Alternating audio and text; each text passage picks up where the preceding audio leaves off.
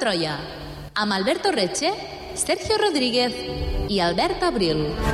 El 12 de desembre de l'any 628, a prop de l'actual Mosul, el conflicte etern entre l'imperi bizantí i l'imperi sassànida arriba a un punt culminant i de no retorn. Al costat de les ruïnes de l'antiga capital de l'imperi neoassiri, 50.000 romans es van enfrontar a 75.000 perses sassànides en una llarga, cruenta i èpica batalla. Va ser al costat de Nínive que es decidiria l'hegemonia del Pròxim Orient d'una vegada per totes després de segles d'enfrontaments, escaramuses, traïcions i grans exèrcits. La batalla de Nínive és considerada l'última gran batalla de l'antiguitat, un xoc entre dues grans civilitzacions que representaven molt bé un món que s'estava acabant, l'antiguitat tardana. Avui, a les portes de Troia, reprendrem la història d'Heracli a l'any 626 i narrarem els esdeveniments que el van portar a la batalla de Nínive. Benvinguts al cor de l'imperi sassànida. Benvinguts a les portes de Troia. Benvinguts,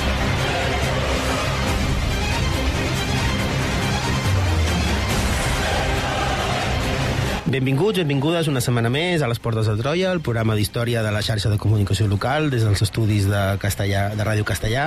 Eh, com podeu veure, no sóc el Sergio, no sóc l'Albert. Eh, avui em toca a mi posar-me el barret de presentador i ho faig encantadíssim per donar la benvinguda a l'Albert Abril. Com anem, presentador? Molt bé, jo, molt, jo fantàstic. Presentar saps que és una cosa meravellosa perquè parles menys. en qualsevol cas, el programa d'avui, la batalla de Nínive, l'última batalla de l'antiguitat, un titular... Eh, Arriscat. potent eh, i té tot el sentit del món preguntar, Albert, per què dediquem un programa a la batalla de Nínive, que suposo que, es, que respondràs perquè és l'última batalla de l'antiguitat. Uh, correcte, doncs perquè és l'última batalla de l'antiguitat. A veure, uh, també és un titular d'aquests, és un clickbait una miqueta, perquè... No fem d'això, eh? No, no en fem, aquest perdó, programa perdó, perdó. no fem d'això. I si vols saber per què no ho fem, eh, clica... Escolta el programa sencer. En fi, eh, que de fet l'altre dia vaig, vaig... És que ja comencem malament. Vaig descobrir una pàgina a Twitter que es dedicava a, a Fer fer clickbait. retuits... No, al revés, a fer retuits de notícies clickbait i, i del, uh, o sigui, Sí, eh, què eh, alimentos uh, necessites para no sé què. El boniato. Això, ja està. Ja o sigui, està, bueno, fantàstic. està bé. Però si algú vol fer això amb les portes de Troia, pot fer-ho... Sí, cadascú per el temps en el que vol. Uh, en fi, la batalla de Nínive, uh, primer de tot li dediquem un programa perquè a l'estiu, al juliol, van fer un parell de programes sobre Un. l'emperador Heracli. Dos programes van fer. Dedicarem un programa. Uh, o dos, segurament seran dos també. Uh, vam dedicar dos programes a l'emperador Heracli, un primer programa posant-lo en context, explicant l'època, la, la situació geogràfica, què estava passant al Pròxim Orient a finals del segle uh, 6, començaments del segle 7, etc. Uh, I vam mencionar precisament uh, aquesta batalla, en, en vam parlar molt breument i penso que encaixa molt bé uh, tornar-ne a parlar avui, reprendre uh, aquesta història, perquè és una, és una batalla que, bueno, és, és molt simbòlica del moment que s'estava vivint en aquella època, que és el final una miqueta de l'antiguitat tardana, és, és, el, és el final del xoc de les grans civilitzacions del Pròxim Orient, com seria l'imperi romà d'Orient, o l'imperi romà, l'únic imperi romà d'aquell moment, i l'imperi persa sassànida, i veurem que aquesta batalla és importantíssima per entendre el final de les hostilitats entre aquests dos grans imperis que s'havien estat disputant l'hegemonia del territori, que havien estat definint la, la, bueno, la política internacional de, de, de la Mediterrània més, més oriental i gairebé de, de tota la Mediterrània. Eh, després de 400 anys de lluites, veurem com aquesta batalla doncs, acaba decidint una miqueta cap on s'inclina la balança finalment. Molt bé, doncs tenim feina. Jo estic desitjant eh, escoltar aquest programa d'avui sobre la batalla de Nínive. Segueix-nos a facebook.com barra Portes de Troia o a Twitter arroba Portes de Troia. Descarrega't el podcast des d'iBooks o iTunes.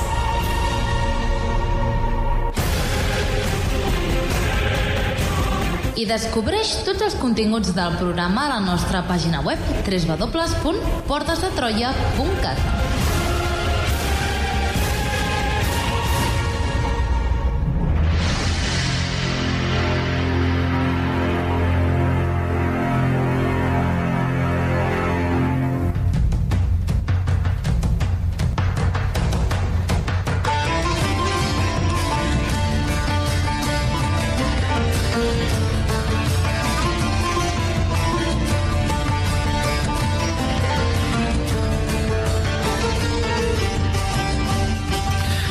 Molt bé, Albert. Uh, on hem de començar el nostre recorregut d'avui per arribar a Ninive?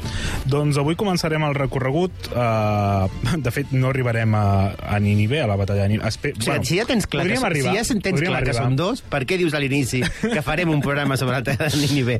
El titules Ninive i ens deixaràs a les portes de Ninive. Oh, bueno, uh, perquè som a les portes de Troia i molt a quedar-se a les portes Vale, de les porta. coses. Uh, Depèn en què. Depèn. Pregu- Pregunta. De, depèn en què. Potser hi ha gent que no li agrada quedar-se a les, portes, de coses. No. A les portes de I coses. no t'ho diu. Amb Sergio Rodríguez. En fi, um... Ai, quin presentador. bueno, portal de veritat, si vols. en fi, um, comencem, doncs, on ho vam deixar el programa f- 400... Heracli 2. Uh, sí, exacte, 414, uh, que el van gravar, si no m'equivoco, el juliol, més o menys. Uh, ens, ens emplacem concretament a l'any 626, uh, en un moment en què uh, Constantinoble, la Constantinoble d'Heracli, estava sent assetjada per àvars, uh, diferents tribus eslaves per Occident, i des d'Orient també hi havia un, unes quantes desenes de milers de, de perses sassànides que també estaven fent pressió cap a la, cap a la capital romana. Llavors, uh, començarem aquí, però òbviament uh, farem unes quantes consideracions, també tenint en compte que és un programa dedicat a una batalla, doncs avui ens deixarem portar una miqueta uh, per la història militar uh, i parlarem una miqueta sobre com també s'organitzaven les tropes, com eren els reclutaments a l'imperi bizantí d'això de començaments del segle, del segle VII i doncs farem una miqueta això, però sobretot primer començarem posant una miqueta de, de context. Molt. Intentarem que sigui breu. Sense cap pressió, això anava, sense cap pressió, però jo a la pregunta del guió tinc molt breument, Albert, fes una mica de resum, o sigui, tres vegades resum, Molt breument. de- del Pròxim Orient a inicis del segle VII, llavors sense cap pressió, fes molt breument una mica de resum sobre el context del Pròxim Orient del Ah, segle VII. El guió són una pàgina i mitja, a veure com surt la cosa. A veure, um, o sigui, òbviament, um, recomanar als oients que escoltin els dos programes, 413-414, que vam dedicar a l'emperador Heracli, als seus temps, etc. Uh, però bé, si haguessin de fer un resum del que s'està coent allà, eh, ja, ho, ja ho he avançat una miqueta a la pregunta inicial, i és que hi ha una disputa constant entre els perses sassànides i, i l'imperi bizantí. Llavors, l'imperi sassànida era un imperi eh, molt vast, molt gran, que es o sigui, s'estirava des de, Mesopotàm, des de la pròpia Mesopotàmia fins a les portes de la, de la, de la Índia. I en aquell moment, precisament, governava Cosroes, uh, Cosroes uh, II. Llavors, és, és un rei, eh, és un uh, personatge molt poder polític que havia arribat el tron gràcies a l'ajuda dels bizantins, de fet, en parlarem un momentet, no? quan Maurici mor, no? el, el precedent, l'an- l'anterior emperador de Foques, no? que és, Foques és el qui deposa, és qui, a, a qui deposa Heracli, uh, Maurici ajuda a Cosroe II i com a tal, i gràcies a aquesta ajuda aconsegueix situar-lo com a rei titella, entre moltes cometes, de l'imperi sassànida. Um, quan Maurici mor, però, uh, Cosroe II el que fa és aprofitar i ataca l'imperi uh, l'imperi bizantí a l'any 602-603. Llavors, a l'imperi bizantí, al 610, Heracli accedeix al tron, després narrarem molt breument com passa tot això, però ens hem d'imaginar que les fronteres de l'imperi eh, romà en aquell moment són més o menys les que havia deixat Justinià un segle abans. Molt més o menys. Ah, per tant, hem de pensar que l'imperi, el cor de l'imperi bizantí, òbviament, és el Pròxim Orient, no? Tenim Anatòlia, Palestina, Síria, Egipte, etc. Però en aquell moment també controlen, um, uh, en certa manera, no? Uh, gran part d'Itàlia, una mica una mossegada del sud d'Hispània, uh, nord d'Àfrica, fins a arribar a, Tun uh, fins a arribar a Tunis, la costa d'Il·líria, etc. No? Aquestes conquestes que va fer uh, Constantí. Però sobretot ens centrarem nosaltres en el cor del que era l'imperi uh, de l'imperi romà, que eren unes províncies molt riques, uh, però ens hem d'entendre sobretot que per molt que fos una gran extensió territorial, el control sobre aquestes províncies uh, no era uh, total, i a més a més hem d'entendre també que des de la mort de, Just, de Justinià, el 565, hi ha moltíssim rebombori intern, moltíssimes amenaces externes, uh, i a més a més és un imperi on hi ha, i també és un moment molt concret en què hi ha molta efervescència religiosa dins del propi imperi, tenim coptes, tenim el monofisisme, tenim jueus, vull dir, és una mica un polvorí tant interior com exterior. Doncs moltes gràcies, Albert, per fer molt breument una mica de resum sobre, eh, sobre aquest tema. Uh, et demanaria ara que en aquesta línia de breu resum se'ns fessin re, 5 cèntims del primer dels personatges importants del programa d'avui, que no és altre que aquest emperador Heracli que ja ens mencionaves. Um, a veure, Heracli és un personatge que a mi és un personatge que em sembla bastant, molt interessant, sobretot per l'època en la que viu i com es desenvolupa ell políticament, religiosament, etc. Ell eh, se suposa que és de la noblesa armènia, però eh, se'l coneix més com perquè la seva família va ostentar els càrrecs de magister a, a, a la província d'Àfrica, a Cartago, um, i, és, i bueno, des d'allà a Cartago, des d'aquesta de, província, entre moltes cometes, més aviat perifèrica de l'imperi romà, eh, accedeix al, al, tron de, al tron de Constantinople sense tenir cap mena de vincle familiar, que això també diu molt no, de quina era la, la situació de l'imperi bizantí en aquell moment. Uh, llavors, um, a l'anterior programa en Carlos ens ho va, ens ho va llegir, no? Uh, però recordem que Edward Gibbon, a la seva, bueno, a la seva magna obra, no, aquest clàssic, que és la història de la decadència i la caiguda de l'imperi romà, que escriu més o menys al, al, a finals del, del segle XVIII, ens diu que és un dels personatges destacats de la història, el d'Heracli és el més o és dels més extraordinaris i els, i els més inconsistents. En els primers anys i últims anys d'un llarg regnat, l'emperador sembla ser esclau de la mandra, el plaer o de la superstició, un espectador descuidat i impotent a les calamitats públiques. És a dir, ens el pinta com un personatge que, a l'origen del seu regnat i al final del seu principat, doncs és com, bueno, que està com adormit, sense poder fer massa coses, etc. Però la boira lànguida del matí i del vespre està separada per la brillantor del sol del migdia. L'Arcadi del Palau es convertia en el Cèsar del campament i l'honor de Roma d'Heracli es va redimir gloriosament pels fets i trofeus de sis campanyes aventureres. Des dels dies de Cipió i Aníbal no s'ha intentat eh, cap empresa més audaç que la que Heracli va aconseguir per a l'alliberament de l'imperi. Llavors és un personatge, aquí Guibon ens el pinta d'una manera molt poètica, i un personatge superinteressant, és un personatge que fa unes campanyes militars fins al cos, fins al propi cor de l'imperi sassànida, que travessa muntanyes nevades, que se'n va per, per navetes desertes... Ai, navetes, per masetes. Per na... navetes? navetes? Què és una naveta? és una construcció prehistòrica, una, eh? Una nau petiteta? Sí.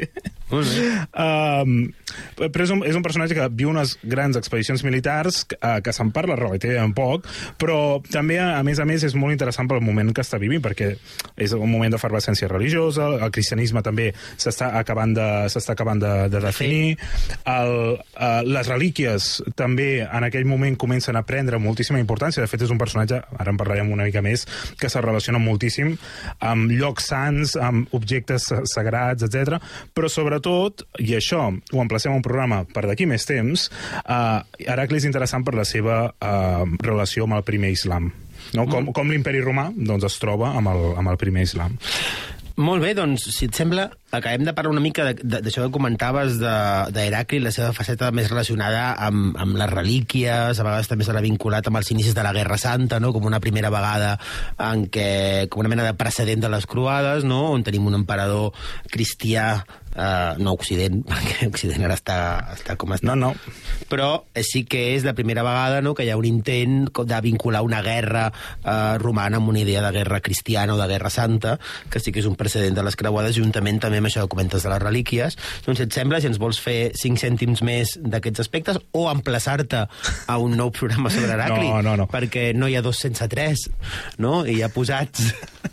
No, home, però un programa sobre Heracli i l'islam sí que m'agradaria fer, però hi ha més... L'Heraclislam. L'Heraclislam, m'encanta. Guardaré el títol del programa. Um, sí que és veritat que se'l vincula amb la Guerra Santa. Uh, ell mai parla, ni les seves fonts contemporànies parlen de que ell estigui fent o estigui legitimant la seva guerra com una guerra santa. Perquè la, la guerra santa no se, ha, no se dice, se hace. Se hace. um, sinó que apareixerà tot aquest, o sigui, se, se l'utilitzarà com a exemple històric, no? com altres reis cristians que es, es posen d'exemple durant les croades o quan hi ha tota la literatura croada que justifica um, les croades, bàsicament, uh, se'l titlla no, d'emperador cristià, el que està veient l'Albert, no? emperador romà cristià que s'enfronta contra els pagans, inclús se l'arriba a posar al nivell d'un rei Artús, un Rotllant, de personatges més aviat mitològics, llegendaris, uh, però també també uh, pot aparèixer a discursos, uh, pot, podria aparèixer en un mateix discurs uh, amb Carlemany al costat, no? És a dir, se'l titlla com una figura uh, que utilitza la religió no? en les seves guerres. Llavors, eh, com ja hem dit, és un moment àlgid en el culte de les relíquies i, per exemple, Heracli té contacte amb moltes d'aquestes relíquies o se'ns explica que té contacte amb moltes d'aquestes. Per exemple, la primera que apareix en la seva, en la seva vida és el Sant Sudari. Uh, quan entrena les seves tropes al 620, entre el 620 i el 622, surt als camps d'entrenament amb unes botes negres, vestit amb armadura, dient que ell també seria un soldat i sagnaria amb ells, no? Uh, però ho fa ensenyant el Sant Sudari. Uh, també ens explica que és qui recupera els fragments de la Vera Creu dels perses sassànides que els havien robat quan saquegen, uh, quan, quan saquegen Jerusalem. També ens explica que recupera la destral de Noé, també dels perses sassànides, que són molt dolents i se les queden totes. També parla de la branca d'olivera, um, bueno, que se'l relaciona amb moltíssimes relíquies. Que i tots amb són moltíssima- relíquies que, si les guardes a la teva habitació i la teva mare fa neteja, te les Les, llença. les tira totes. No, vull dir, jo a la meva habitació d'adolescent tinc el Sant Sudari, fragments de la Vera Creu, una destral per allà tirada i una branca d'olivera, arriba la meva mare amb tota aquesta merda, fa, Tot cap a fora. una foguera per Sant Joan. Però sort que la mare d'Heracli era No, molt no li va dir, exacte. Um, tota aquesta èpica religiosa al seu voltant, uh, bueno, és, és un personatge que té molta publicitat en el seu moment. Llavors, uh, per exemple, Jordi Epicídia, uh, que és un poeta èpic contemporani, és, també és un testimoni ocular de molts dels seus, de moltes de les seves gestes, de la seva vida, etc. El, el titlla sempre no, com el, el, o sigui, és el nou Noé, és el creador d'una nova civilització. Diu que els romans són el nou poble escollit, um, el, el, fa paral·lelismes entre ell i Moisès, no? i diu, no, és Moisès que lluita contra uns nous egipcis que han devastat el continent, um, bueno, que han, han devastat Orient, no? i els egipcis pues, són els perses sassànides. Um, i Però, clar, però Moisès no lluita contra els egipcis, fuig dels Fuig- egipcis. fuig dels egipcis. Llavors, la comparació és Ah, una merda. ah. Però clar, aquí, aquí tot cola. Aquí cadascú. uh, en fi, uh, pinta els perses com els enemics de la cristiandat, que conquereixen Re- Jerusalem, cremen les esglésies de Jerusalem, roben la Vera Creu... Uh, inclús s'explica no, que en el moment que els sassànides saquegen Jerusalem també s'emporten la menorà, però bueno, això ja... Bueno, igual que el de la Vera Creu, no? Però bueno, si més no és propaganda, moltíssima propaganda, amb un discurs èpic i religiós darrere, que és molt interessant. Però és que, a més a més, eh, i a mi el que em sembla més divertit és que és un personatge que, que clar, com que està a cavall entre el món romà, món clàssic, món oriental, cristianisme incipient, etc. És, és un tio que, que, a més, es fa el joc de paraules entre Heracli i Hèracles, no? i se'l vincula i se'l se, se dibuixa en, en iconografia, uh, ell vestit amb, amb, amb atributs de rei cristià, però alhora amb la, cap, amb la capa i la caputxa del lleó de Nemea, d'Hèrcules, uh, amb un garrot matant a una mena de Goliat. No, és, és un pupurri de, de coses que penso que el personatge d'Heracli ens il·lustra d'una manera fenomenal. Molt bé, doncs portem ja 17, 19 minuts d'aquest programa dedicat a la batalla de Nínive i jo crec que ha arribat el moment també d'introduir una mica de història bèl·lica al, al programa, no? Eh, tenim un bàndol, que és el dels romans d'Orient, Heracli. Eh, com era el seu exèrcit o com era la situació militar eh, a l'imperi bizantí en aquests moments? que hem de pensar que l'exèrcit bizantí és un exèrcit que ava, a, a, veu no, de, de, de l'exèrcit romà, però òbviament ja no té res a veure amb, amb els exèrcits aquests romans que tenim tan idealitzats, que de fet no existeixen mai, però no passa res. Uh, el típic exèrcit romà ni republicà, ni alt imperial, ni res. Cada quan Digues, penses en l'imperi romà? Uh, molt sovint, per desgràcia. Vull, però crec que és un defecte professional, vull dir, Pot no, ser, no passa res. Uh, I tu?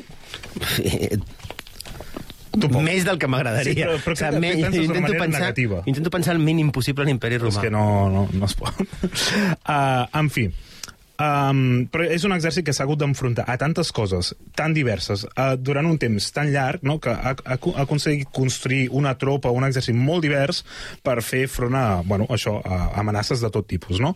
Llavors, comencem primer de tot amb el que una de les grans uh, obres que va fer Justinià és que a la frontera amb els sassànides, més o menys per, per la zona de Mesopotàmia, va crear tota una frontera de fortificacions, però no, que no formaven una línia, sinó que formaven una xarxa. Uh, aquesta frontera, uh, o aquesta limes, no, si volem, havia mantingut molt, allà, molt a ratlla els sassànides i estava meticulosament uh, pensada uh, i va aguantar això, va aguantar moltíssim, uh, moltíssims conflictes. Llavors això estava basat en torres, en fortaleses, en ciutats emmurallades, que aquestes ciutats, òbviament, lo important de les ciutats emmurallades és que podien contenir una guarnició, etc que, eh, que eren elements que es donaven suport entre ells, s'avisaven, s'ajudaven, etc. no? Um, aquests elements servien sobretot, sobretot les ciutats, com ja he dit, per obligar a l'enemic a aturar-se per fer un setge en aquesta ciutat, uh, perquè sabien que si continuaven endavant sense haver conquerit aquella ciutat, la guarnició de la ciutat en qualsevol moment podia sortir per fustigar-los, uh, entorpir-los, uh, etc. També, a més a més, era una font de recursos, una font de refugi i una font de subministrament en cas que l'exèrcit imperial avancés per aquella zona, i també l'excusa de tenir la població a la ciutat, que hi havia persones actives fent coses a la ciutat, els obligava a mantenir les infraestructures en bon estat.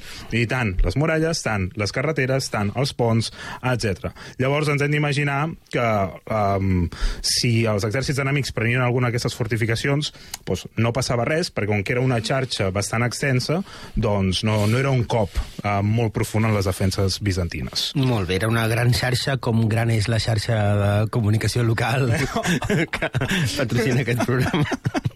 Mare de Déu. Bueno, escolta, eh, que anava a ser com gran és la xarxa de Renfe.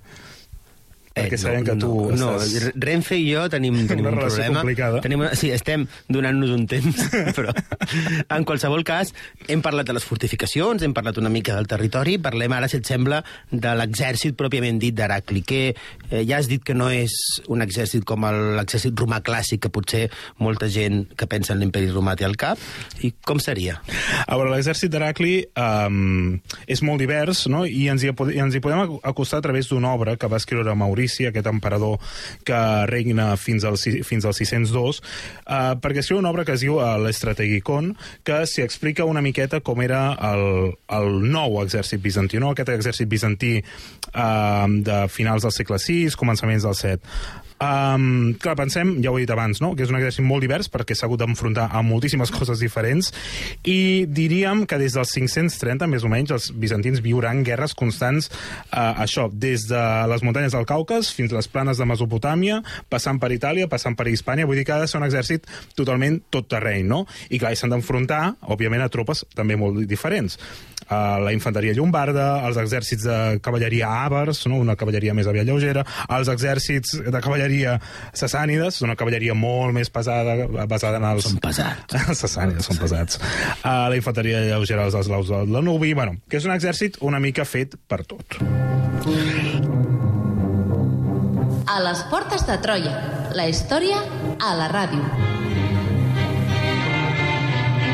Descobreix tots els continguts del programa a www.portesdetroia.cat.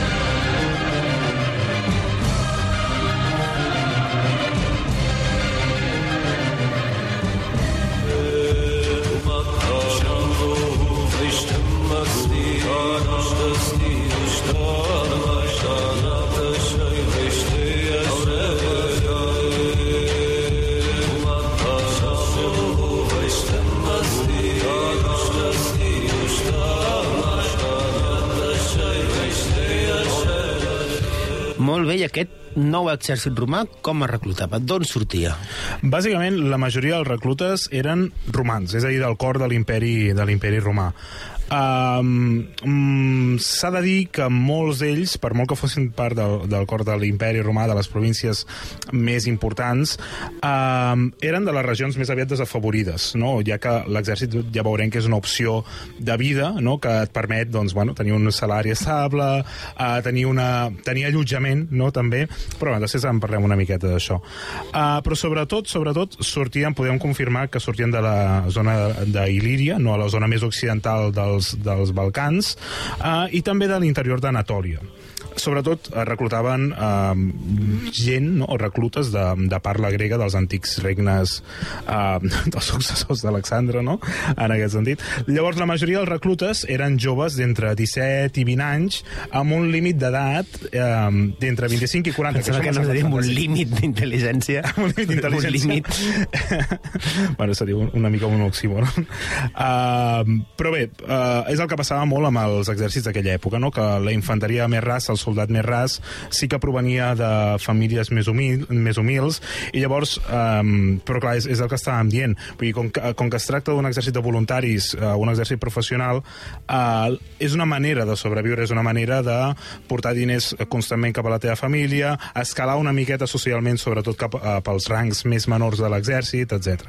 Llavors, és, inter és interessant perquè en el llibre de, de Maurici se'ns explica que el propi emperador, Maurici en aquest, clar, en aquest cas, restaura tot el tema de les subvencions salarials als veterans, sobretot a les persones que per culpa de la guerra acaben mutilades. Llavors això és una mica una motivació, no? Saps que fas el, el teu servei militar i et pots retirar amb la teva soldada permanent o amb unes terres, etc.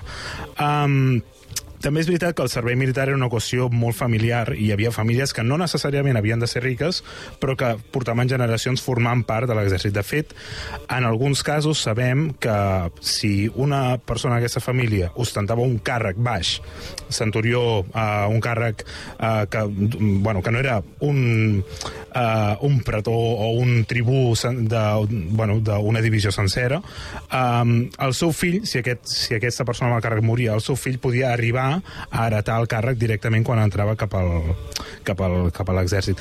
Òbviament, però, re repeteixo, que els alts càrrecs estaven reservats um, bueno, a persones amb una posició social molt més elevada. Um, els soldats eh, bizantins ja hem dit que eren eh, voluntaris des de l'època de Justinià i rebien una sucosa recompensa, bueno, sucosa entre moltes cometes, bastant de recompenses pel fet de formar part de, de, de l'exèrcit. Primer de tot, rebien una soldada bastant generosa, rebien molt menjar durant les, vull durant les campanyes, durant el, el, les estades en llocs, no, els acantonaments, etc. Però la soldada podia variar, eh, però bueno, a l'època de Maurici se'ns explica que era de 20 sòlids o de 20 sòlidos, la moneda d'or eh, a l'any. Llavors, per fer-nos una idea, eh, un treballador no qualificat podia arribar a cobrar 10 sòlids a l'any, més o menys, no? Pues llavors, pues no, està, no, està, no està tan mal. Llavors també garantia allotjament, ja, ho, ja ho hem dit, requeria, ai, um, incluïa el salari aquest gairebé permanent, i tu sabies que tindries una atenció, certa atenció mèdica si formaves part de l'exèrcit. Uh, això no vol dir que Heracle no tingués mercenaris i, aliat de, i aliats, de fet tot el contrari, se'ns explica que també hi ha llombards, hi ha francs, hi ha libis, vull dir, és també un exèrcit molt divers en aquest sentit. I veurem que Heracli, quan va anirhi bé, hi va aliat amb els turcs amb els turcs blancs, no, bueno, amb el que podríem associar amb els uns, amb els uns blancs, però bueno, això és un altre tema que tractarem més enllà. En un altre programa. No crec. De fet, el tema, o sigui, els grans problemes que es trobava l'exèrcit romà no era la gent, hi havia molta gent per, per nodrir les tropes, sinó que era un tema més aviat de, de diners. Llavors, quan els diners s'acabaven, òbviament hi havia motins, hi havia desercions massives, etc. De fet, Heracli es troba amb una gran deserció, per exemple, quan els àrabs saquegen Antioquia, perquè ja hi tenia unes tropes acantonades que no els estava pagant, no els estava donant, no els estava mantenint, etc. I llavors arriben els àrabs amb una poderosíssima força, uns exèrcits totalment nous en el, contra els que els, els romans no s'han acostumats a lluitar, i diuen, pues a la mierda, i abandonen les seves, les seves posicions. Pues molt malament, la gent se l'ha de pagar. Fatal, fatal. Se l'ha de pagar. I més si són els que et defensen, vull dir.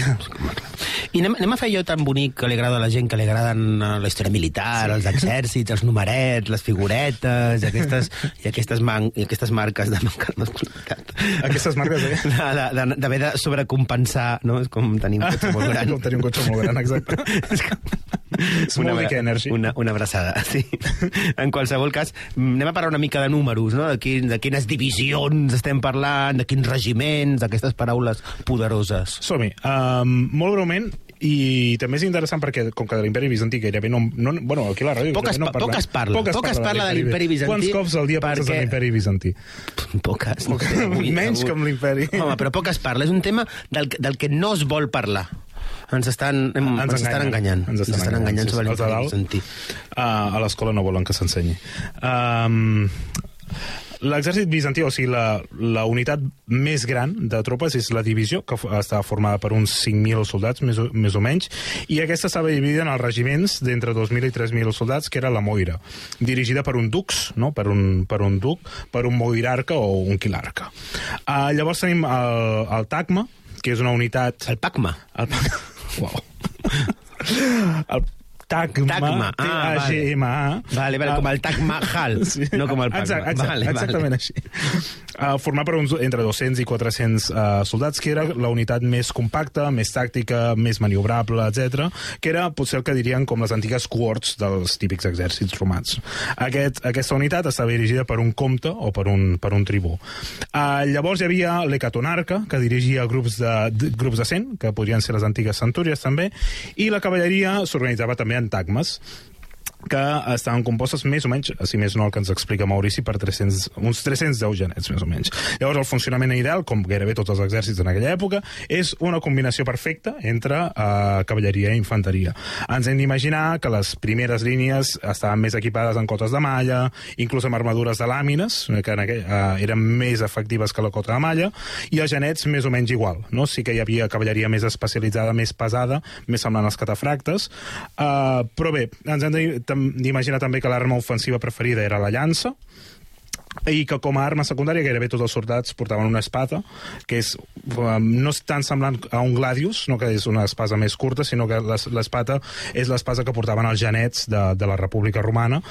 Llavors ens estem acostant a espases més llargues, no hi ha més semblants al que ens imaginem a les espases més medievals, en aquest sentit. Llavors ens hem d'imaginar una formació més rotllo falange, més, més organitzada en aquestes tagmes, no en aquestes quadrícules, uh, i també, com ja he dit, ens hem d'imaginar que donant suport a les tagmes de cavalleria també hi havia la cavalleria aquesta pesada, que està pre precisament pensada per fer front als perses sassànides. Bueno, doncs agafem aquestes divisions, aquests regiments, aquests tacma, aquests hecatonarques, aquesta cavalleria pesada, lleugera, simpàtica, i posem-la en moviment. hi ha cavalleria pesada, Cavalleria simpàtica, sí, sí. lleugera, hi ha cavalleria simpàtica. I la simpàtica. Uh, I posem-los en moviment, no? camí, comencem a fer camí, comencem a fer via, uh, anem lents perquè anem lluny, uh. -huh. uh, i la nostra destinació és els camps de Nínive, doncs anem a veure Com ens hi anem acostant? com arribem a aquesta batalla. Um, 589. Hòstia, hòstia, a veure, a veure, no vull, dir, no vull dir res, però si la batalla és al 627 i quan et dic que comencem a caminar te'n vas al 589, Em sap greu, Alberto. Déu meu senyor, Déu meu senyor. 589. Penses massa en l'imperi romà bizantí. Uh, Cosroe II demana ajuda a Maurici per solucionar conflictes de poder dins l'imperi sassànida, bàsicament per fer-se amb el poder ell. Després de dècades de combat, aconsegueix... Uh, Uh, Maurici aconsegueix fer una pau amb els sassànides gràcies a aquest pacte amb Cosroe II, una pau que dona molts guanys territorials a Roma, i a més a més, uh, Cosroe II es converteix en una espècie de rei titella de, de Maurici i el designa com a... O sigui, Cosroe II diu que Maurici és el seu pare i senyor, no? entre moltes cometes. L'any 602, Focas, el, un, A mi m'encanta Focas. És fantàstic. Tenir una, un emperador que se llama Focas. Sí, de, de fet, em fa molta gràcia que ho diguis, perquè en Sergio literalment va dir que era com el Chocas. Com el Chocas. Sí. El Focas, el, I el Chocas. Chocas. Hòstia, pues seria, com, seria un bon duet còmic, el Focas i el Chocas. Seria molt bo. De fet, és que... I Qui- no qui- sé, quin és més imbècil dels dos, o sigui, no? perquè Focas també la lia bastant. Sí. és, molt mal, és un personatge molt maltractant per les fonts, no? Era un centurió que... Com el Chocas, que quina campanya li fan al pobre amb, la Ai, bona, pobret. amb la bona persona que el, és. El progressismo que, Amb el eh, claro, és que al final... Sí.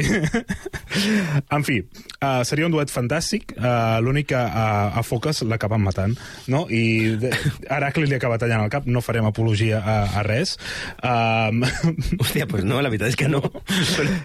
um, Llavors, el, el 602 Heracli l'acaba deposant, no? Després fa tota una campanya per, uh, des de Cartago cap a Egipte, amb els vaixells, amb no sé què, i quan arriba a Constantinople, doncs, bueno, doncs el, l'acaba liquidant l'any... Això, perdó, he dit el 602, però tot això passa al, al 610. Vale, llavors ens hem d'imaginar que des del 602, quan, um, quan Focas mata a Maurici i li usurpa el tron, els sassànides ja no tenen cap pacte de, de pau amb l'emperador romà. De fet, tot el contrari. Juguen amb la idea de fer la venjança contra l'assassí de Maurici. Home, clar, s'han de venjar. La venjança le cosroe por dentro. Oh. és, aquesta és la millor. Fins ara la És millor. Cosroes 2, la venganza. ja sabeu que sempre la, la segona part de la trilogia és la venganza. O el retorn. Ah, el retorn, sí. Um, I de, I de fet, vull dir, els romans comencen a perdre moltíssimes posicions i quan Heracli eh, accedeix al tron, al 610, els romans continuen perdent posicions.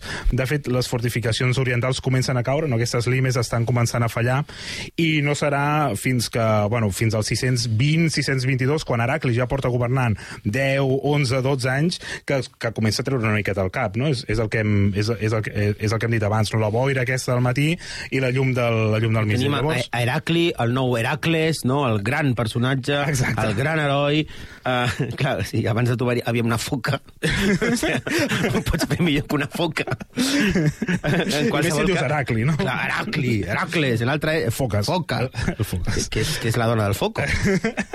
en, qualsevol, en qualsevol cas... Uh, 620 622 hem d'entendre que la situació està millorant per l'imperi bizantí. Um, està a punt de començar està a punt de, de començar, de, a punt de començar a millorar Com la batalla. Com la batalla, perquè concretament al 622 els perses controlen gran part de tot l'imperi romà. De fet, controlen Armènia, Mesopotàmia, Síria, Palestina, amb la cirereta de Jerusalem, no? Egipte, part d'Àfrica. Uh, tot això eren províncies, de, de, eren províncies perses en aquell moment. Llavors, el 622, per fi, Heracli uh, reacciona i és... Uh, el 622 també és molt llavors significatiu. Heracli ho està perdent tot. Bueno, bueno, de fet, Podem afirmar perdut. que és el Xavi de l'imperi bizantí. Podem afirmar que era el Xavi de l'imperi bizantí. bueno, jo penso que aquest era Focas. Foques. Però bueno, no passa, no passa res. Uh, Heracli fa una mica de contingència, no se n'acaba de sortir del tot, però dirien que el 622 és l'any clau, no? De fet, uh, quan estudiem l'imperi sassànida també parlàvem de diverses èpoques d'or, i precisament el 622 és el final de la segona època d'or dels, dels perses sassànides. És en aquell moment no, que Jordi de Pisídia comença a fer tota la publicitat del nostre, del nostre personatge. Molt bé, sabem que l'any uh, 622 és un any clau, uh, ho tenim aquí. Què passarà exactament aquest any? L'any clau és el, per dos motius, no? per tota la, la retòrica religiosa que envolta el nostre personatge, però també perquè fa una estratègia molt divertida per aconseguir diners, ja que les arques imperials, després de mm, 20, 20 anys de guerra amb els sassànides i segles enrere de conflictes ininterromputs, doncs eh, estaven pels terres, no? ja ens ho podem imaginar. Llavors ella el que fa és aconseguir treure diners de l'aristocràcia, del patriarcat de, de Constantinople, etc, eh, amenaçant-los no? de que si no afluixaven les butxaques doncs mouria la capital cap a Cartago. Llavors, eh, de seguida tothom va començar a donar-li diners. I tot això no serà del tot suficient i és que, a més a més, eh, o sigui, ella el que aconsegueix fer és entre el 22 i el 26 fa quatre campanyes, vale? I fa, fa, quatre, fa quatre campanyes, eh, que sembla que es, està reeixint, no? que sembla que està recuperant territoris, però no, és que no, no, no pot, i de fet eh, ha de retornar a la capital perquè desenes de milers d'àvars s'estan acantonant en els Balcans per començar a atacar a la capital de Constantinople, i de fet els perses estan col·laborant en aquest atac. O sigui, que veníem de, de, de, de la remuntada, esperit de remuntada, quatre campanyes militars, eh, aconseguim diners, tenim un exèrcit nou, anem fent, i resulta que acabem demanant l'hora perquè els àvars estan assetjant Constantinople. Què, què està passant aquí? Exacte, i de Ho fet... feia millor la foca. No. és veritat, amb Foques ningú va, ningú va amenaçar amb Constantinople. I, de fet, uh, just aquí, uh, a l'any uh, 626, és on ho vam deixar a l'últim programa. Lla- O sigui, que tot això és una cosa que ja has explicat. No, perquè també hem parlat de l'exèrcit, Vale, etc. vale, vale. A, a veure, hem fet una mica de resum llarg, però no passa res. uh, en fi, el 626, Constantinople es troba rodejada. No? Per una banda, uh, per la banda més occidental, uh, pels Balcans, tenim desenes de milers d'àvars, bueno, se'ns explica, desenes de milers d'àvars assentats per aquella zona esperant que arribessin els perses, i per Orient cada cop es va eh, costant més un exèrcit d'uns 35.000 perses sassànides. Sí, tornem amb el tema de les xifres. Se'ns explica que els defensors podien arribar a ser entre 30 a 30.000, no, no, que hi havia d'arribar una força de socors de 12.000, però bueno, les xifres ballen, uh, llavors és interessant, si més no, veure les, les proporcions que ens, donen les, que ens donen les pròpies fonts. Llavors, el que fa Heracli és tancar-se dins de, de Constantinople i, es, i esperar espera i es fixa les, la intel·ligència bizantina, no? Uh, S'assabenta que realment els perses no tenen una flota al Mediterrani. De fet, els, per, els perses feia molt temps que no tenien accés al, al Mediterrani. I qui sí que tenia una flota eren els àvars. Llavors, el que, va, el que va fer Heracli és desplegar la seva flota, anar, o sigui, ell es tanca amb les tropes, desplega la flota, ataca la flota dels àvars i així impedeix que l'exèrcit persa i l'exèrcit àvar tinguin qualsevol possibilitat per atacar per mar a les grans muralles teodosianes no, de, de, de Constantinople i també impedeix que els dos exèrcits eh, s'uneixin. Per tant, diríem que finalment els bizantins només, bueno, només entre cometes, matxacant la, la, la, la flota dels àvars, se'n surten d'aquest petit setge. Bueno, d'aquest gran setge.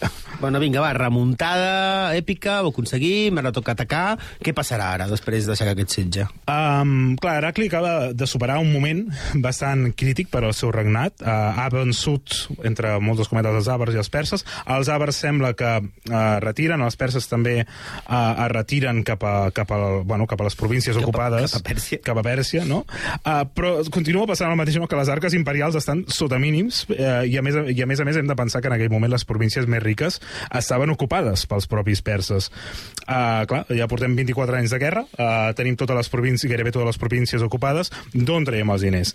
Llavors, uh, hem de pensar que els perses tenen diners de sobres. O sigui, els, els perses es podien permetre allargar la guerra moltíssim. En canvi, l'imperi romà eh, és el que li passi constantment, no? que sembla que està a punt de, de caure, que està a punt, el, el, el 626 sembla que està a punt de caure, però de cop no, veurem que eh, Heracli fa, fa, un dels seus, fa un dels seus moviments i a la primavera del 626, de manera totalment eh, inesperada, inicia una nova campanya i fa una nova incursió a l'imperi sassànida. Llavors, com que ell no podia suportar més la guerra, no podia aguantar més la guerra, diu, va, doncs vinga, intentem un, un cop final. El que fa és s'endinsa fins al Caucas amb una host, se'ns explica, de 40.000 soldats, i allà s'alia amb, el, amb els cocturcs, no? el, el canat dels turcs orientals, que era un poble estepari que es desenvolupa entre el segle VI i VIII a les regions eh, més aviat de l'Àsia central, que aquests li proporcionen un contingent, repeteixo, se'ns explica, d'uns 40.000 genets, no? comandat per Yab Yabgu Tongu, que era el jugant... hagut tongo. Sí, correcte. Hagut tongo. En Tongu. En tongo. En Tongu, que era el jugant dels turcs, que era el senyor indiscutible de les estepes en aquell moment. Llavors, es veu que Heracli havia posat, ho havia posat tot en aquella aliança perquè inclús havia promès la mà de la seva filla en, a, en el Tongu, no? En, Però en no, el, no, la, no la fia sencera. No, només la mà. Només la mà. Només la mà. Uh, llavors, turcs i romans van emprendre el camí cap a un nou objectiu del Caucas, la ciutat de Tibli Tbilisi, no? que és la capital, inclús actualment també és la capital de, de, de Geòrgia. A les portes de Troia. Descobreix la teva història.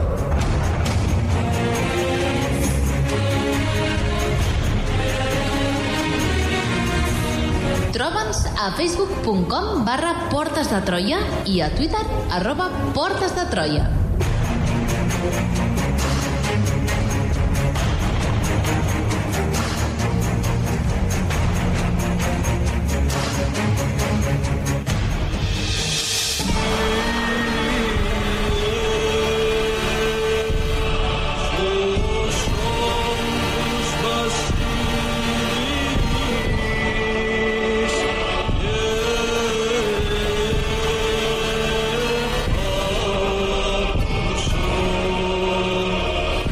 Hem deixat aquest exèrcit d'Heracli dirigint-se a Tbilisi, no? la capital del regne de Geòrgia, i per què aquest objectiu? Què té d'especial aquesta ciutat? Que el regne de Geòrgia era un, bueno, era un regne vassall dels perses sassànides i el que pretenia Heracli amb, capturant la seva capital és provocar un efecte dominó no? amb tots els altres regnes vassalls. I era, si els perses no són capaços de protegir-vos, doncs deixeu de ser els seus súbdits, no? Uh, I inclús veniu cap a la, cap a la meva causa. Um, però què passa? Que abans que la tropa romano-turca arribés a la capital, els sassànides la van poder reforçar de manera bastant terrible. No? Llavors el setge va durar des de la primavera fins a finals d'estiu del 627, però no hi va haver manera d'enfondrar les defenses d'aquesta ciutat. De fet, se'ns explica que inclús Heracli va arribar a desviar un riu per fer que xoqués contra les muralles, per fer que eh, es fondrés els fonaments, però no ni amb això eh, van aconseguir eh, això, entrar a les muralles. Llavors, al setembre del 627, Heracli i Tongu es van retirar i van haver de suportar les burles dels defensors de les muralles, no? que ah, porteu aquí mesos i mesos i mesos, inclús heu desviat un riu i no ens heu pogut fer res bueno, normal. No? La situació és com a mínim complicada, no? Tenim a Heracli amb un ex gran exèrcit al cor de l'imperi sassànida, fracassant, abandonat un setge de mesos, i, i què li queda? Què farà ara? Clar, té les tropes cansades, no? és un territori hostil, queden poques provisions. Lo normal seria, tothom s'esperava, de fet els perses també s'esperaven, que retornés cap a Constantinople. Però no, Heracli el que fa és tornar a apostar més, no? I diu... Holdea, holdea. Holdea, no? aguanta. Ell sempre aguanta. Heracli avui en dia compraria criptomonedes. Moltes quan, quan està caient, ell segueix invertint. però és que, bueno, però a ell li surt relativament bé. Home, clar. Um, des de Tbilisi, uh, Heracli decideix uh, apunyalar el cor de l'imperi sassànida i Bonic. dirigeix tot el seu exèrcit enorme a passos de gegant per travessar tota l'Armènia per, arri per arribar a, a Sassifon, que és la capital no, de, de l'imperi sassànida. Llavors, a l'octubre, i en territori hostil, es dedica a travessar serralades no, de, de 1.500-3.000 metres d'actitud, eh, vull dir, una ruta bastant llarga, a unes marxes bastant forçades, amb una tropa enorme. I què fan els perses? Ah, doncs, òbviament, uh, Khosrow II, des de, la, des de la seva capital, del seu, des del seu palauet, s'ho està mirant i, i clar, i no, i no s'ho esperava. Um, ell s'havia imaginat que ell, bueno, que Heracli retornaria cap a la capital. Llavors, l'exèrcit romà s'estava endinsant perillosament cap al territori i Corroes necessitava el suport de les tropes es- acantonades a les províncies de Síria, Palestina, Egipte. Clar, havia de deixar moltes guarnicions en el territori antigament romà. Aquí, però, hi ha un petit problema, eh, perquè qui estava al comandament d'aquestes tropes, eh, un tal Farrocan, no? que té un paper bastant... Farruquito. Farruquito. Hem dit-li Farruquito. Té un, pa- un paper bastant farruco no? contra, contra Cosroes, um, però bàsicament és per una, és, és per una qüestió uh, de funcionament intern de l'imperi sassànida, que ens hem d'imaginar que l'imperi sassànida, el poder de l'emperador s'aguantava per un equilibri d'aliances i hegemonia entre sis grans famílies que tenien moltíssim, eh, moltíssim poder. Llavors s'establia una mena de confederació, però això implicava que si una d'aquestes famílies deixava de donar suport a l'emperador, el, el, el tron imperial perdia moltíssim poder. I és el que farà Farruquito. Exacte, Farrocan el que fa, eh, bueno, el que li passa és que ell és el que havia dirigit el setge contra Constantinople, el 626. I clar, M'encanta m'encanta que no hagis aprofitat l'oportunitat per dir en, con- per, això tu. conduir, en comptes de, de dirigir, conduir. Dient-se Farruquito podia haver conduït Conduir. el setge. Però bueno, una oportunitat perduda. Ferruquito va conduir el setge contra Constantinople i davant del fracàs estrepitós, no, després de la mobilització de desenes de milers de perses sassànides a les portes de Constantinople, doncs davant de tot aquest fracàs estrepitós, gairebé al nivell de les proves PISA, dels informes PISA, no?, de la nostra No treguis- preciosa no treguis època. no, el tre, tema. no, treguis el No tema. treguis el tema. Um, Uh, el que fa el Cosroes és treure-li encara i criticar-lo i burlar-se d'ell a davant de, bueno, de les grans corts de, dels sassànides. Llavors, aquest punt, aquesta desconfiança entre el, en Ferrocan i Cosroes, Heracli el sap aprofitar. Uh, llavors, els serveis d'intel·ligència, entre moltes cometes, intercepten missatges que Cosroes li estava enviant a, a, a Ferrocan, demanant-li socors. I llavors els romans el que fan és falsificar aquests missatges Oh. i aconsegueixen que a Ferrocan li arribin missatges eh, de Cosroes dirigint-se a les tropes de Ferrocan dient no, no, és que heu d'eliminar el vostre general, heu de matar a Ferrocan, que és el perdedor de Constantinople, eh, i l'heu d'intentar assassinar. Llavors aquestes cartes eren cuidadosament posades a les mans del, del gran general, i òbviament aquest senyor va decidir no donar suport a Cosroes. Però és que a més a més altres generals també sumen i declaren una neutralitat davant de la invasió de- d'Heracli. I això eh, fa que Heracli no s'hagi de preocupar. Ell pot continuar avançant cap al cor de l'imperi sassànida sense cap mena de problema, ja que no s'ha de preocupar per la rereguarda. I, i l'havíem deixat no, uns 40.000 soldats bizantins, un gran contingent de, de turcs. Hem de, hem de suposar que els turcs continuen també avançant cap a Tesifon? Sí i no. Ja estem. et pagaré drets d'autor. El sis- a L'octubre, novembre del 627, el, el jugant turc decideix retirar-se al Caucas per passar l'hivern a casa, però deixa un bon contingent de genets amb Heracli. Llavors, en aquell moment, més o menys, eh, ens trobem amb unes 40.000 tropes imperials, més 10.000 genets estaparis. Però, bueno, eh, xifres, però ens van bé per entendre les dimensions que podria haver tingut tot allò, no? Amb aquesta tropa, eh, Heracli protagonitza grans conquestes per tota la zona d'Armènia. Llavors, Corroe II, davant de la negativa de Ferrocan d'acudir a ajudar-lo, eh, el que havia fet era aconseguir reunir tropes més locals, més de la zona, una mica més a la desesperada. I es calcula que va reunir, s'explica un altre cop, que va reunir un exèrcit de 70.000 efectius, però bueno, Uh, llavors aquest enorme exèrcit estava uh, comandat per un altre personatge que es deia Rosbihan uh, i tenia el comandament o tenia les ordres no, d'interceptar, enfrontar-se i aniquilar l'exèrcit romà. I arribaran a temps? Uh, no. Oh. Heracli aconsegueix durant si dies... estat ferrocanci perquè els Perquè ferrocarrils condueix. són més puntuals que la Renfe. Uau. vale. Creia que anava a ser que condueix molt ràpid. També. Bueno, ja no, no? Uh, no, ara, ara ja no, exacte. Ara, ara, sí, Ara ja no. Ha decidit uh, deixar el, la, la farlopa, però és, és igual. A veure, uh, Heracli aconsegueix evitar la tropa uh, persa durant diversos dies, fent maniobres a la rereguarda, uh, fent, uh, utilitzant els fustigadors, petites caramusses, etc. I de cop, també de manera bastant inesperada, es comença a enfilar per, pels agros, no? aquestes grans serralades, i aconsegueix endinsar-se a la maceta de Tropatence. A Tropatente, al vell cor, ara sí, de l'imperi sassànida, uh, l'actual uh, Azerbaidjan. Uh, perquè, el, o sigui, tot això ens hem d'imaginar que ho està fent al novembre, no? Vull dir, vull dir que aquesta travessa per les muntanyes és amb neu, amb temperatures intempestives, uh, vull dir, és, és una marxa que, ens, uh, si, si ens ho volem imaginar de manera així èpica, ja que ens estem posant a fer un programa uh, a militar. Amb lo fàcil que seria haver passat per sota o per les mines de Mori. Ah, exacte, no per al passo de Carandres, és veritat, és veritat. Uh, les ciutats de Tropatense van caient una rere una i Heracli uh, acaba, o sigui, tot, tot això ens hem d'imaginar, no? Heracli va saquejant ciutats, però uh, Rosivan el, li va, el va perseguint, el li va trepitjant la, la, els casos de, ai, les passes. De fet, Teòfanes explica que el general persa era com, com un gos famolenc el que Heracli gairebé deixa sense menjar, no fent referència a que per on passava Heracli ho arrasava tot, no? aquesta política de terra cremada, anar saquejant ciutats, etc. I quines conseqüències haurà pe- pels perses de tota aquesta campanya exitosa d'Heracli? Clar, en aquell moment eh, Heracli estava, eh, ja havia saquejat moltíssim eh, tota la zona d'Armènia, havia saquejat també tota la zona de, de, de l'Atropatente, de Atropatente. Eh, llavors, Uh, Corroe II estava demostrant no ser capaç de defensar els seus propis uh, territoris.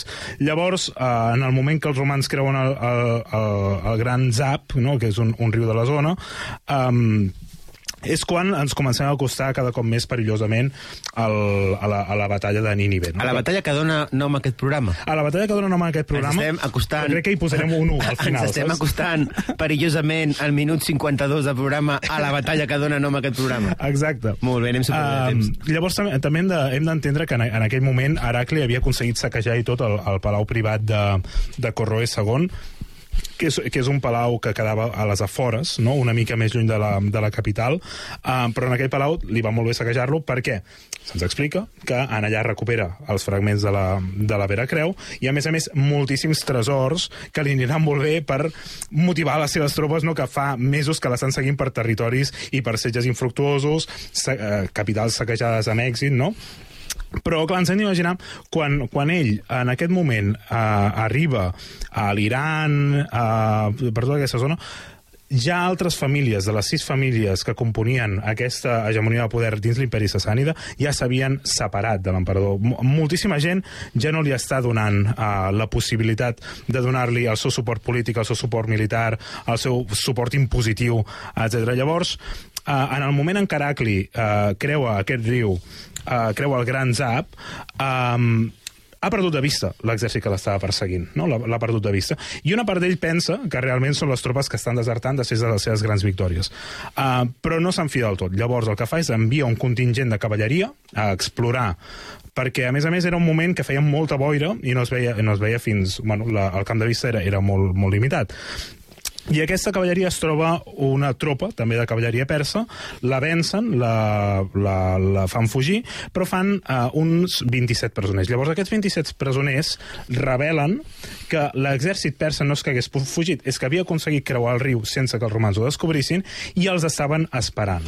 I els estaven esperant i, de fet, els interessava esperar-se una miqueta més perquè hi havia un contingent de 3.000 immortals, no? els immortals perses, sassànies, que una tropa a cavall, no? de, una tropa d'elit, una guàrdia palatina, una cavalleria molt pesada, que es podien s'havien d'unir a, la, a la tropa sassànida en els propers dies. Llavors, això deixava molt intranquil, eh, deixava molt intranquil Heracli. I llavors, en aquell moment, a començaments de desembre del 627, és quan Heracli decideix aixecar, campament i anar a buscar a l'exèrcit. Doncs ja ho tenim aquí. Uh, si estàveu esperant la batalla de Nínive, doncs haureu d'esperar un altre programa. Ens haurem d'esperar un altre. Moltes gràcies, Albert Abril. A tu, Albert. Uh, al Carlos Lecell al control tècnic i a vosaltres per escoltar-nos i per seguir atents a aquesta batalla de Nínive.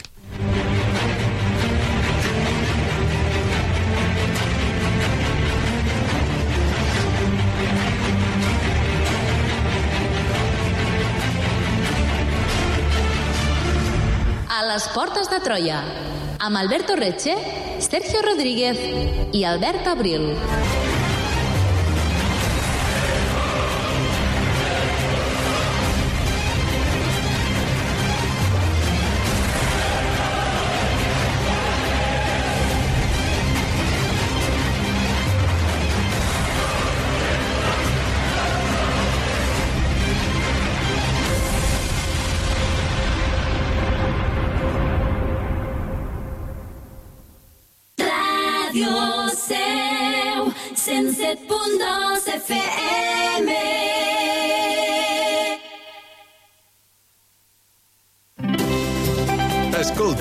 Seu on i quan vulguis.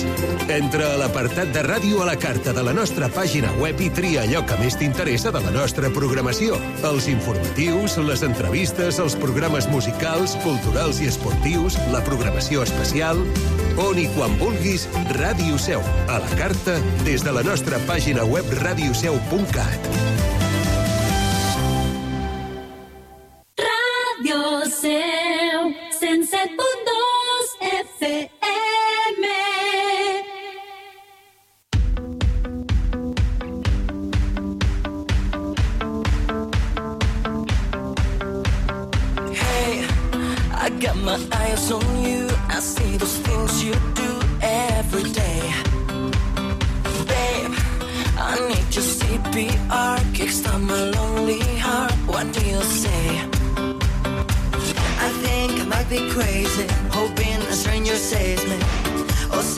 myself. But you're so beautiful, I go and risk it all. Take a deep breath and go in. One, two, three, four. Shock, drop to the floor. Oh, you've got a hold of my heart, a hold of my heart.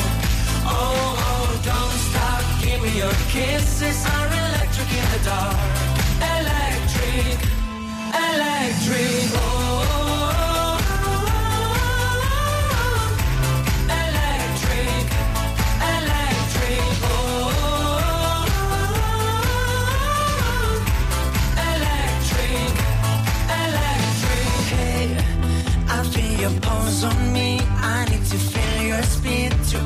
Okay. Hey, there's a familiar rush where your fingers touch me everywhere. Are you an angel falling to stop my heart from stalling? You save me from myself. Cause you're so beautiful, I go and risk it all. Take a deep breath and go in. One, two, three, four. Shock, drop to the floor. Oh, you've got heart. Oh, oh, don't stop. Give me your kisses are electric in the dark. Electric, electric. Oh,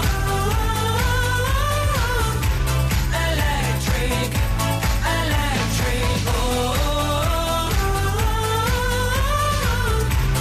electric, electric. Oh. Siren, siren, flashing light. dreams in your eyes when you say my name. Siren, siren, flashing lights when you breathe me back to life. I see my dreams in your eyes when you say my name. Shock drop to the floor. Oh, you've got a hold on my heart. A hold on my heart. Oh, don't stop. Give me your kisses are electric in the dark.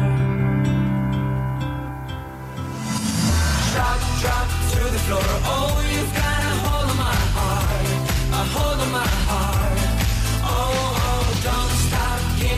kisses. are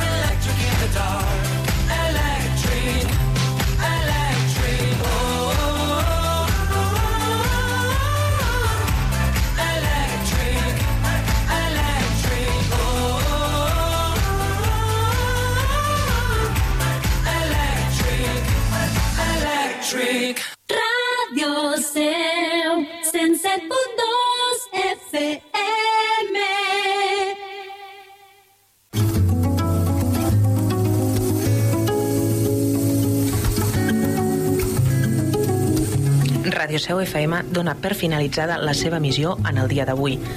Agraïm la teva escolta. A continuació, et deixem amb Catalunya Ràdio.